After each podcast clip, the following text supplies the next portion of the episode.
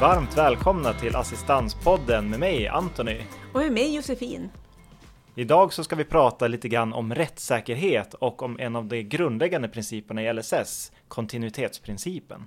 Precis, tjoho tjoho, vi ska prata kontinuitetsprincipen och rättssäkerhet. Det kan låta lite torrt och tråkigt kanske för vissa, mm -hmm. men när man är eh, assistansjurist och lite assistansnördig på juridiken så är det här faktiskt ett väldigt spännande och intressant ämne att prata om och vi tror att det här också kommer att kunna intressera många som kanske inte är så eh, förtjusta i paragrafer, men mm. däremot väldigt intresserade av LSS och rättighetslagstiftning. Man kan säga att när vi tittade lite grann på olika vinklar på det här ämnet så har vi ju faktiskt hittat så pass många att vi känner att vi inte ens kan få med allihop i det här avsnittet. Så. Ja, Precis, för när man tittar på så här själva grunden till LSS, då uttalar man mycket i förarbetena vikten av kontinuitet. Och man trycker på det här med kontinuitetsprincipen. Och man pratar om rättssäkerhet. Och det man kan ha i, i åtanke då att i slutet på, på 80-talet och början på 1990-talet så hade man gjort ett antal olika eh, utredningar som visade på att personer med omfattande funktionsnedsättning kände sig ofta kontrollerade ifrågasatta, eh, att det var, man kände sig utlämnad till handläggarnas godtycke, att det var svårt att få gehör för viljan att leva sitt liv på samma villkor som andra och att men man möttes ofta av en bild av att, att samhället skulle med hjälp av handläggaren ta hand om den här stackars handikappade personen. Och eh, att man gick in med sorts förmyndarperspektiv i det hela, att det är bra att vi från samhällets sida kommer in och bestämmer vad som är bäst för dig. Mm. Eh, och att LSS, eh, där var ju tanken att, att man ska, skulle ge makten till personen som, som har funktionsnedsättning, att man ska få makten över sitt eget liv. Och utifrån det så blev det också väldigt viktigt att prata om kontinuitet och om rättssäkerhet. Mm. Jag tänker på när vi kommer in på just det här begreppet rättssäkerhet så skulle vi också kunna beskriva lite kort vad det handlar om. För det kanske är någonting som vi jurister pratar ganska mycket om men, men som man kanske inte annars eh, stöter på allt för ofta. Och när vi pratar om, om rättssäkerhet så brukar man i regel nämna just att det handlar om att, att saker och ting ska vara förutsägbara och att det ska ske på ett sätt som, som är förutsägbart. Alltså att man vet vad man har rätt till och man kan också vara säker på att få det man har rätt till. Precis, och att det inte ska ändras över tid. Att så länge som ingenting ändras för mig som person så ska inte heller mitt beslut förändras. Och då kommer man också in på både på förutsägbarheten men också på kontinuiteten. Mm. Att, att så länge som min funktionsnedsättning är densamma och mina hjälpbehov är densamma ska också mitt, mitt eh, det eh, beslut jag har fått ska vara oförändrat. Mm. Och det kan man ju läsa direkt i förarbetena till LSS också, just för där, där nämner de ju kontinuitetsprincipen. Men det står faktiskt rakt ut så här, att principen om kontinuitet innebär att den enskilde eller hans eller hennes familj ska kunna känna säkerhet i att stödet inte plötsligt upphör eller förändras. Mm. Så det är eh, rent klart uttryckt på det viset. Mm. Men det som vi har kunnat se är ju att, eh, att beslut mycket väl kan förändras eller upphöra helt, även om personens hjälpbehov inte alls har ändrats. Mm. Eh, det var bland annat det som ledde fram till att man gjorde det här nödstoppet för omprövningar hos Försäkringskassan. Att personens funktionsnedsättning hade inte ändrats, men det hade kommit en ny rättspraxis. Och när man omprövade besluten så tillämpade man ny praxis, vilket gjorde att personer som hade haft assistans i många, många herrans år helt plötsligt inte längre hade rätt till assistans. Mm. Och förenklat kan man ju säga att man helt enkelt gjorde om den regel som man hade tidigare, som många känner igen som den så kallade tvåårsomprövningsregeln. Att man helt enkelt begränsade den i syfte att skydda brukarna från, från ja, kanske os, orättssäkra omprövningar helt enkelt. Mm. Eh, nu är det ju så att sedan ett antal år tillbaka så får Försäkringskassan inte längre ompröva beslut till den enskildes nackdel eh, eh, om det inte är så att, att hjälpbehoven väsentligen har ändrats. Och då ska man bara titta på att det ska ha ändrats för den enskilde själv. Alltså ny praxis får inte påverka det hela. Mm. Det finns en hel del problem med det här därför att Försäkringskassan anser att väldigt mycket är en väsentlig förändring och det ligger ett antal processer med det. Allmänna ombudet för socialförsäkringen som är alltså en institution som finns till för att eh, ta fram rättspraxis där det är osäkert, har ett sådant mål som nu ligger i Högsta förvaltningsdomstolen som handlar just om vad är en väsentlig förändring eller inte. Mm. Men, men, men eh, det man kan ändå utgå från är att den som har ett beslut från Försäkringskassan om assistansersättning kommer inte att få det omprövat eller ändrat om det inte har hänt något väldigt speciellt. Mm. Jag tänker vi får säkert anledning att återkomma till det längre fram i, i podden så eh, utifrån det du nämner att, att Högsta förvaltningsdomstolen prövar den frågan frågan just nu. Och vi har också tidigare avsnitt när vi pratar lite grann om just eh, väsentliga förändringar och hur man bedömer den frågan. Men det som är intressant här är ju alltså att, att ordningen är sån att för, för den som är beviljad assistans från Försäkringskassan så finns det alltså ingen tidsbegränsning. Men däremot om man tittar lite närmare på de beslut som kommunerna fattar om personlig assistans så finns det olika typer av lösningar. I vissa fall så har man inte tidsbegränsat besluten och i andra fall så har man de som tidsbegränsar besluten. Och det här är en av de här eh, områdena som vi pratade om att vi, vi, ville ta upp i podden och just diskutera utifrån och framförallt problematisera utifrån hur det här kan eventuellt drabba den brukare som har rätt till assistans eller som behöver assistans eller som söker assistans. Ja, precis. För att eh, det, det, finns ju kommuner som fattar beslut tills vidare om personlig assistans, men det är ju ändå, det hör till ovanligheten att beslutet är tills vidare beslut. Det vanliga är att beslutet begränsas i tid och det kan vara lite längre tid, kanske två år, Mm. Eh, och då kan man tänka att de har tagit inspiration från kassans tidigare tvåårsomprövningar. Mm. Eh, men sen kan det också vara så att man fattar ett beslut på ett år i taget, eller ännu kortare, kanske bara ett halvår i taget, eller kanske bara ett par, tre månader. Eh, och det här gör ju att den person som får ett tidsbegränsat beslut, dels löper risken att inte beviljas när man ska ansöka om förlängning, mm. fast det inte har ändrats behoven hos en, hos en själv. Och dels att, att man lägger ansvar på den enskilde att själv komma ihåg att ansöka om den här förlängningen. För när beslutet löper ut, ett tidsbegränsat beslut som löper ut sista november, hittar vi på att det här beslutet mm. ut, då upphör ju det att existera om man inte själv har vidtagit åtgärder i god tid innan för att, för att kommunen ska hinna utreda och fatta ett nytt beslut. Vad innebär det att vidta åtgärder då? Ja, alltså det man kan behöva göra är ju att om man ska ansöka om förlängning, då kanske kommunen vill ha in nya intyg mm. och då måste man boka tid så man får ett läkarintyg eller kanske en ADL-utredning eller både och. Eh, för att ofta så säger man då från kommunens sida att dina, dina intyg är för gamla, de får vara max ett år gamla. Mm. Eh, och alla de här sakerna går ju stick i stäv mot hur man, hur man har resonerat kring just LSS-insatser. Att för att tillhöra personkretsen ska man ju ha en varaktig funktionsnedsättning. Mm. Och när det gäller hjälpbehov så ser man att de kan ju visserligen förändras över tid. Mm. Men, men i grunden så handlar det om att, att det är personer som har sådana omfattande funktionsnedsättningar att man alltid, att hjälp, det kommer finnas någon typ av hjälpbehov kring mm. det här i alla fall. Eh, och när man då behöver förnya sina intyg minst en gång per år eh, så belastar man ju, alltså inte nog med att det blir, det är väldigt det är mycket jobb för en själv att man ska hålla på och utstå en massa utredningar hela tiden. Mm. Men man belastar ju också sjukvården så att de får ta, sjukvården får lägga tid som man hade kunnat lägga på vård och behandling mm. till istället producera beslutsunderlag för, för myndigheterna. Mm. Och det är ju också ett problem, därför att ofta när, när, vi, när vi träffar våra kunder till exempel på, på human assistans, de säger att det är jättesvårt att få nya intyg därför att man från sjukvårdens sida ifrågasätter att man ska behöva, behöva skriva ett nytt intyg på någonting som inte har ändrats. Man säger det finns ingen mm. anledning att göra en ny ADL-utredning därför att hjälpbehoven, det är ingen skillnad på dig. Nej, säger det, det vet jag, det är ingen skillnad, men jag måste ha ett nytt intyg därför att kommunen mm. kräver in det. Och det är ju en, en vinkel och, och, jag tänker också på någonting som är väldigt viktigt och, och, och, som egentligen har sin grund i att det finns en princip som säger att gynnande beslut inte ska kunna förändras hur som helst, utan det är på vissa sätt skyddat. Eh, men Problemet som uppstår när man tidsbegränsar besluten på det här sättet är att när man då ansöker om en förlängning av beslutet eftersom det annars upphör att gälla en viss tid, då anser man att det här är en ny ansökan. Så du har delvis då förlorat skyddet som du hade av ditt tidigare beslut som då var skyddat enligt den principen. Plus att du då också, jag skulle kunna säga att det är lite ett sätt att kringgå kontinuitetsprincipen för att man ser ofta tyvärr prov på att man nu gör en prövning utifrån en ny eventuell rättspraxis och trots att man då ser att ingen egentlig förändring har skett varken av funktionsnedsättning eller hjälpbehov så gör man en, en väldigt stor skillnad i hur man bedömer rätten till insatsen som man har sökt. Alltså med klarspråk så, så handlar det om att man har gått från att ha personlig assistans till att inte längre få personlig assistans trots att ingen förändring har skett då.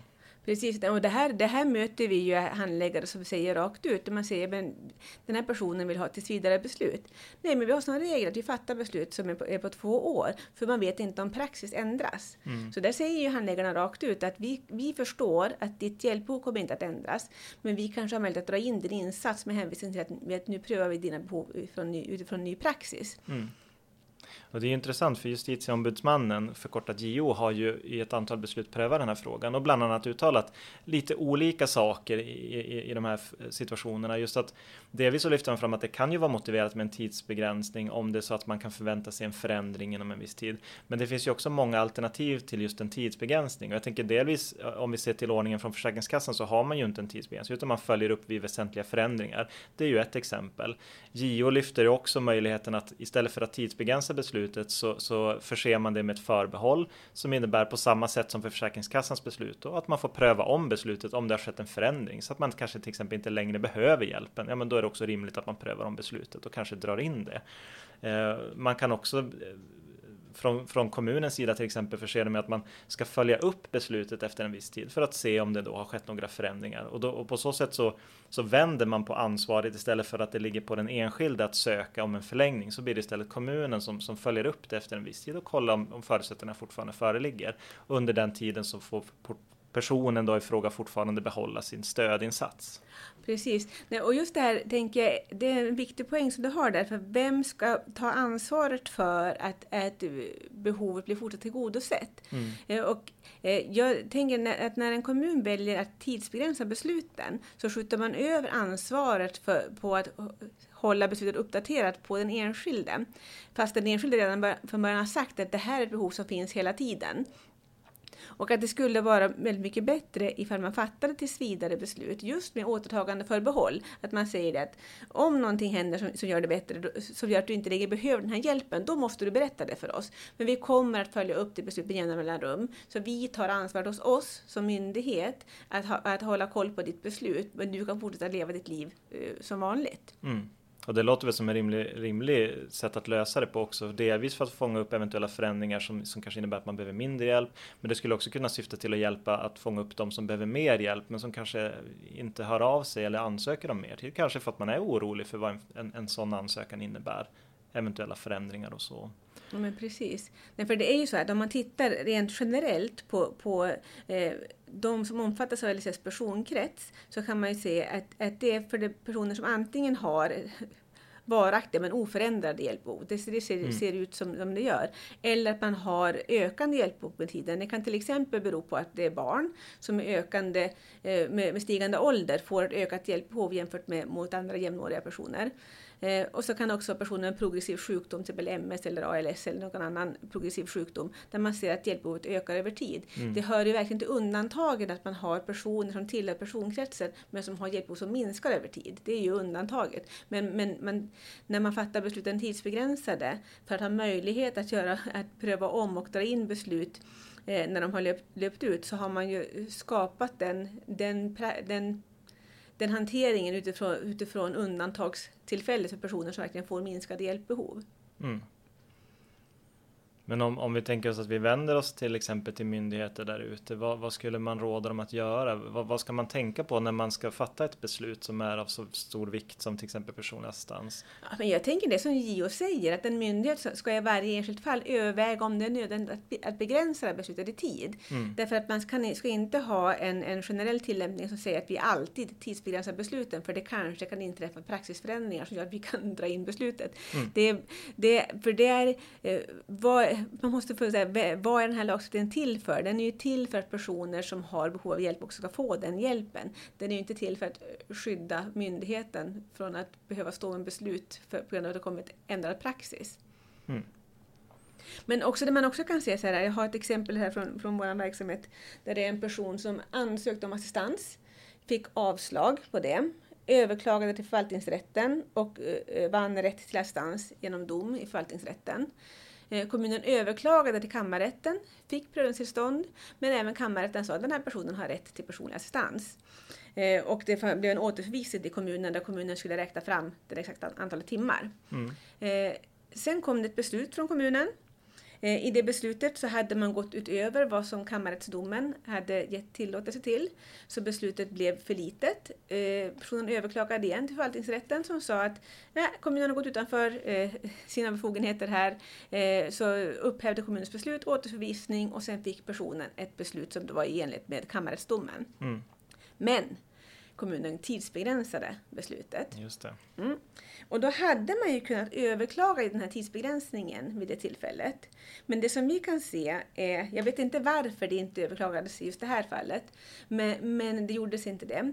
Eh, men det vi kan se är att när man överklagar tidsbegränsningen, eh, då så får ofta kommunen rätt att göra det, därför att förvaltningsrätten säger så gott som alltid ja, men man kan tidsbegränsa, därför att behov kan förändras. Mm. Medan däremot JO säger att man ska verkligen fundera på om det ska tidsbegränsas. Jag tänker att några av våra lyssnare kanske undrar lite, men vad då? är det lagligt att göra det här? Är det inte förbjudet? Så, och det tänker jag ändå är viktigt att understryka att, att, att det är inte så att kommunen agerar felaktigt så att det, det på något sätt man går emot något förbud eller liknande, utan möjligheten att tidsbegränsa finns där för kommunen. Men man måste också vara väldigt vaksam på de eventuella konsekvenser det kan få för den som, som man fattar beslutet för. Precis, för i det här fallet kan man säga att det är en person som har fått tre domar, två från förvaltningsrätt och en från kammarrätt, som alla säger att personen har rätt till personlig assistans. Eh, kommunen väljer ändå att tidsbegränsa beslutet om personlig assistans. Och nu har den tiden snart löpt ut och då har kommunen kommit fram till att med hänvisning till en ny praxis så vill man inte bevilja förlängd assistans så det blir som en indragning av assistansen. Mm. Eh, och då får vi se vad domstolarna säger den här gången. Men det som händer är ju att, att fastän det finns tre domar som säger rätt till personlig assistans mm. så kan, har kommunen ändå möjlighet att begränsa den rätten i tid till att gälla i det här fallet i två år. Eh, sen vet man ju inte, den här kommunen har ju kunnat dra till med en tidsgräns på ett halvår eller ett år. Eller, alltså, och mm. jag tror inte att det, var, att det är det som har det lagstiftarens syfte, att kommunen ska kunna begränsa en kammarrätts eh, utsträckning i tid, en kammarrätts doms utsträckning i tid, med hänvisning till att behovet kan förändras. Mm. Ja, det, det är flera viktiga frågor samtidigt som lyfts här, men tänker, man tänker delvis Eh, hur många gånger ska man behöva pröva sin rätt till insatsen? Under förutsättning att det inte har skett några större förändringar här emellan då förstås. Eh, och är det tanken att man ska kunna kringgå en sån prövning, det vill säga att förvaltningsrätten eller kammarrätten sa det här förra gången, men nu har vi ju tidsbegränsat beslutet och nu har det löpt ut och nu gör vi en ny prövning, kanske ganska kort därefter dessutom. Eh, och då får man helt enkelt möjlighet att avslå på nytt. Att, att, att det är ju ett, ett problem som du lyfter. Du har ju också ett exempel Anthony för en person där, där kommunen satte i system egentligen med att fatta beslut som var väldigt korta, bara en eller två månader och ofta kom det nytt beslut först några dagar in på den, att det, det nya beslutet hade, eller gamla beslutet hade löpt ut. Mm. Eh, och det gör ju alltså, när man tittar på det här med rättssäkerhet och kontinuitet, att, att den, de här personerna hänger ju hela tiden i luften, har ju hela tiden hotet över sig om att, att, att eh, assistansen som man beviljar plötsligt ska upphöra eller försvinna. Det som är just det som står i förarbetena, att det är det man ska slippa med den här nya lagstiftningen. Mm. Och där måste jag ändå säga att, att jag skulle säga att det, det är ett ganska stort undantag. Jag har sett det i väldigt få fall. Men, men just den här regelmässigheten som vi är inne på, just den kan bli ganska problematisk när man inte längre tar hänsyn till den enskilde. Att, att, för det, det kan ju som JO också har sagt, alltså vara motiverat med en tidsbegränsning, men det är ju sällan det är det i alla fall. Det vi lyfter och det vi diskuterar här nu, det är framförallt de fallen där man, där man ser att man regelmässigt alltid tidsbegränsar oavsett vilka omständigheter som föreligger man kan ju tänka sig att den som, man, den som har en funktionsnedsättning där man typiskt sett kan förvänta sig olika förändringar och det behöver inte nödvändigtvis vara i själva hjälpbehovet utan det kan också vara förväntningar på samhället och de olika stödinsatser man får från annat håll som kan förändras.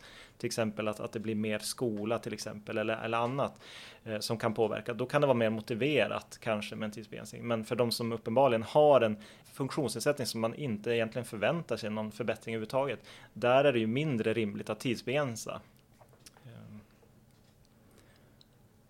Precis. För det som jag också tänkte på när det handlar just om rättssäkerhet, det är ju de här intygen eh, och vad de ska styrka som man pratar om i, i, eh, i juristsammanhang.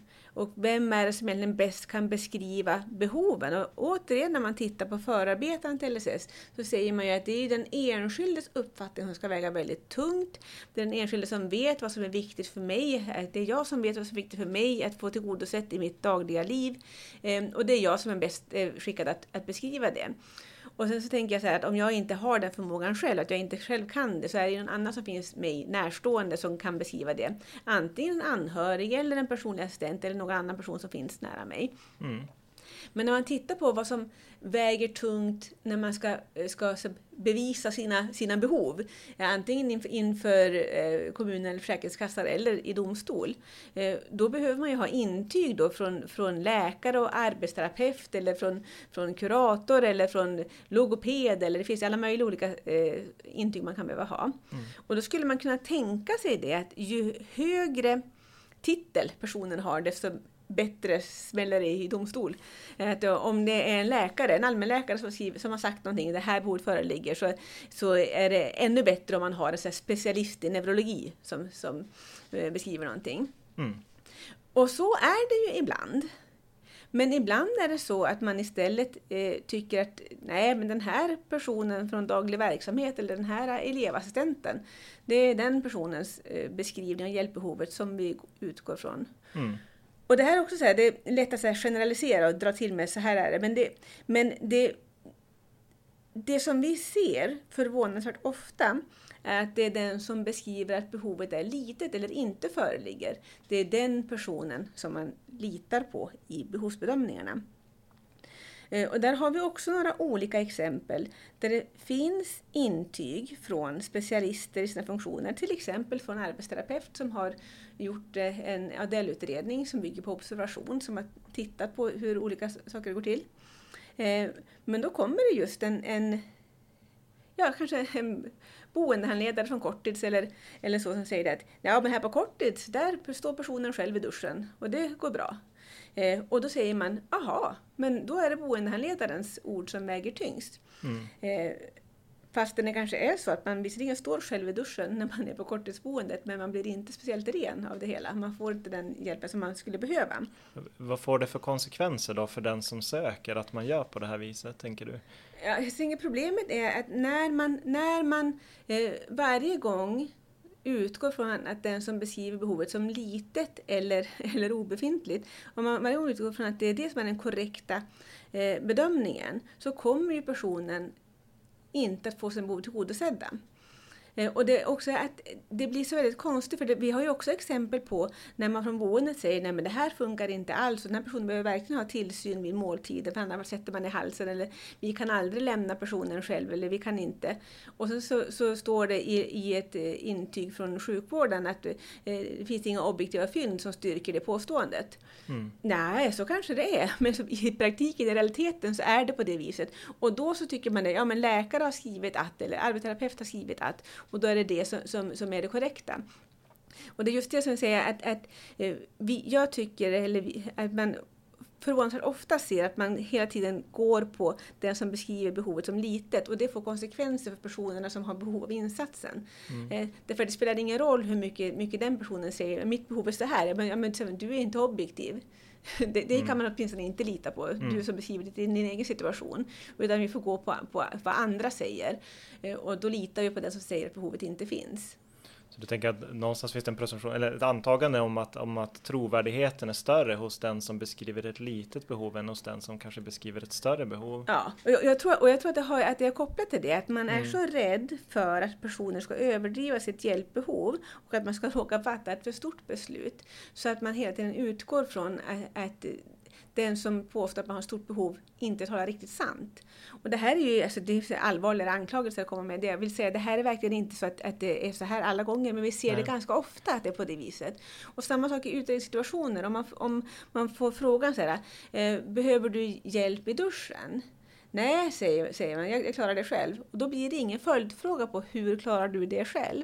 Men om man säger så här, behöver du hjälp i duschen? Ja, det behöver jag. På vilket sätt behöver du hjälp i duschen? Hur går det till? Så att, att man nöjer sig väldigt snabbt med svaret nej, jag behöver inte hjälp. Men om man säger ja, jag behöver hjälp så utreder man det väldigt mycket vidare. Och det lägger också ett väldigt stort ansvar på den enskilde själv att verkligen förstå hur man behöver förklara sitt, sitt mm. hjälpbehov. Så att det, ja, den, den här är, jag tycker inte att vi har en tillräckligt rättssäker eh, hantering av varken utredningssituationen eller när, när man i värderingen av olika eh, intyg eller olika beskrivningar av hjälpbehov. Mm.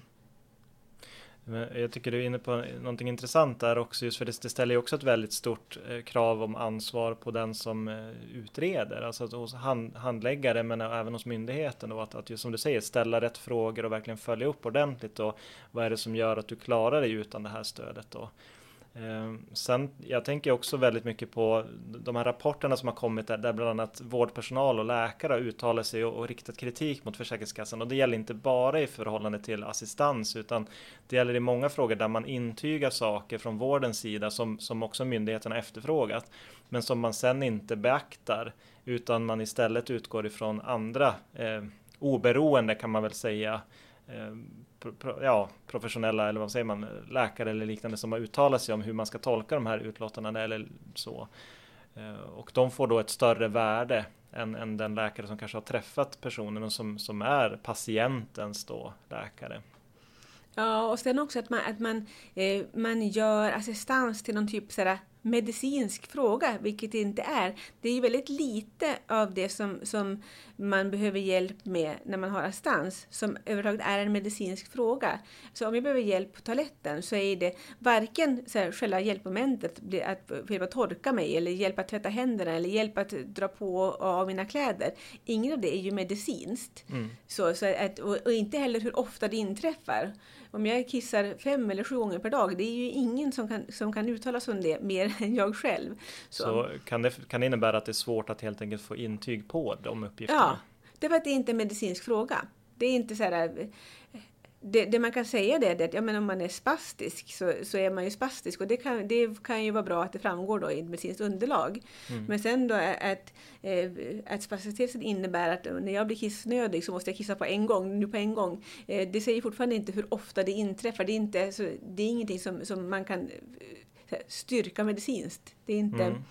Utan det handlar ju om, och sen helt annat, så att om jag vill så här, duscha varje dag eller varannan dag, det är ju överhuvudtaget inte en medicinsk fråga. Det handlar ju om att jag ska ha makt att styra över mitt, mitt eget liv. Mm. Och sen är det mesta man gör i livet är ju in, varken att, att kissa eller duscha, utan det mesta är ju annat man gör. Man eh, ser på TV och vill ha, behöver nå fjärrkontrollen för att kunna byta kanal, eller man ska plocka upp post från hallmattan, eller man ska åka ner på stan. Alltså det, det mesta mm. man gör i livet är ju inte medicinska frågor och handlar inte om sånt som kan, kan intygas av någon annan än en själv. Men ska man tolka det här då som lyssnare som en uppmaning helt enkelt om att, att uh, verkligen fundera på vilka uppgifter behöver man styrka och vem är bäst lämpad att styrka dem i sådana fall? Ja, jag, jag tänker att det, att det, är det och att eh, man måste försöka byta perspektiv. Man behöver sätta sig i den sökandes perspektiv och säga mm. okej, okay, eh, vad är det som vad är möjligt för mig att, att uh, prestera intygsmässigt. Så. Och vad är rimligt att lägga på mitt ansvar att hålla reda på? Ska jag behöva hålla reda på att nu fick jag ett beslut som var på 12 månader eller 14 månader? Eh, hur, pass, I hur pass god tid ska jag behöva ansöka? Om man tänker sig att, att jag får ett beslut som, som är begränsat till ett år, då måste jag kanske redan efter sex månader börja jaga intyg för att kunna söka om min förlängning. Och är det rimligt att, att jag ska behöva göra det också? Jag har väl fullt mitt liv i vanliga fall också. Mm. Men jag tänker det att, att om jag får leva mitt liv som alla andra så kanske myndigheten får bära ansvaret för att, att hålla koll att beslutet verkligen gäller och, och är tillräckligt länge.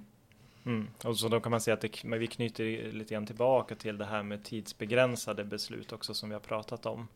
Ja, ja det hänger, för det hänger ju ihop. Mm. Att tidsbegränsar man beslutet så måste man ju jaga intygen oftare också. Mm. Ja, men om vi försöker ta sammanfatta det här avsnittet då, där vi pratar om kontinuitetsprincipen om rättssäkerhet, så kan man väl i grunden säga att det handlar om vem är det som är skyddsvärd i det här sammanhanget? Är det den beslutsfattande myndigheten som ska skyddas genom att ges möjlighet att, att tidsbegränsa sitt beslut och därmed kunna, kunna uh, ta tillbaka sin insats Eh, Eh, vid olika tillfällen? Eller är det den enskilda personen som är den skyddsvärda parten? Och när man tittar på LSS över, överlag så är, handlar ju LSS om att det är en rättighetslag för personer som, som rent typiskt sett är mer skyddsvärda än, än de förvaltningsmyndigheter som handlägger, handlägger besluten. Och där får man ju typiskt sett gå tillbaka till grundpelaren inom LSS och det handlar ju just om att, att man ska skydda den enskilde och att man ska också hjälpa till att stärka och bevara deras självständighet. Det är precis så. Med det sagt får vi väl avrunda det här avsnittet och tacka er som har lyssnat och eh, uppmana er att även lyssna på våra tidigare avsnitt om ni inte har gjort det. Vi finns ju där poddar finns. Ja, och är det så att ni har några frågor till Assistanspodden så kan ni mejla till assistanspodden humana.se och gå gärna in och läs på vår hemsida humana.se.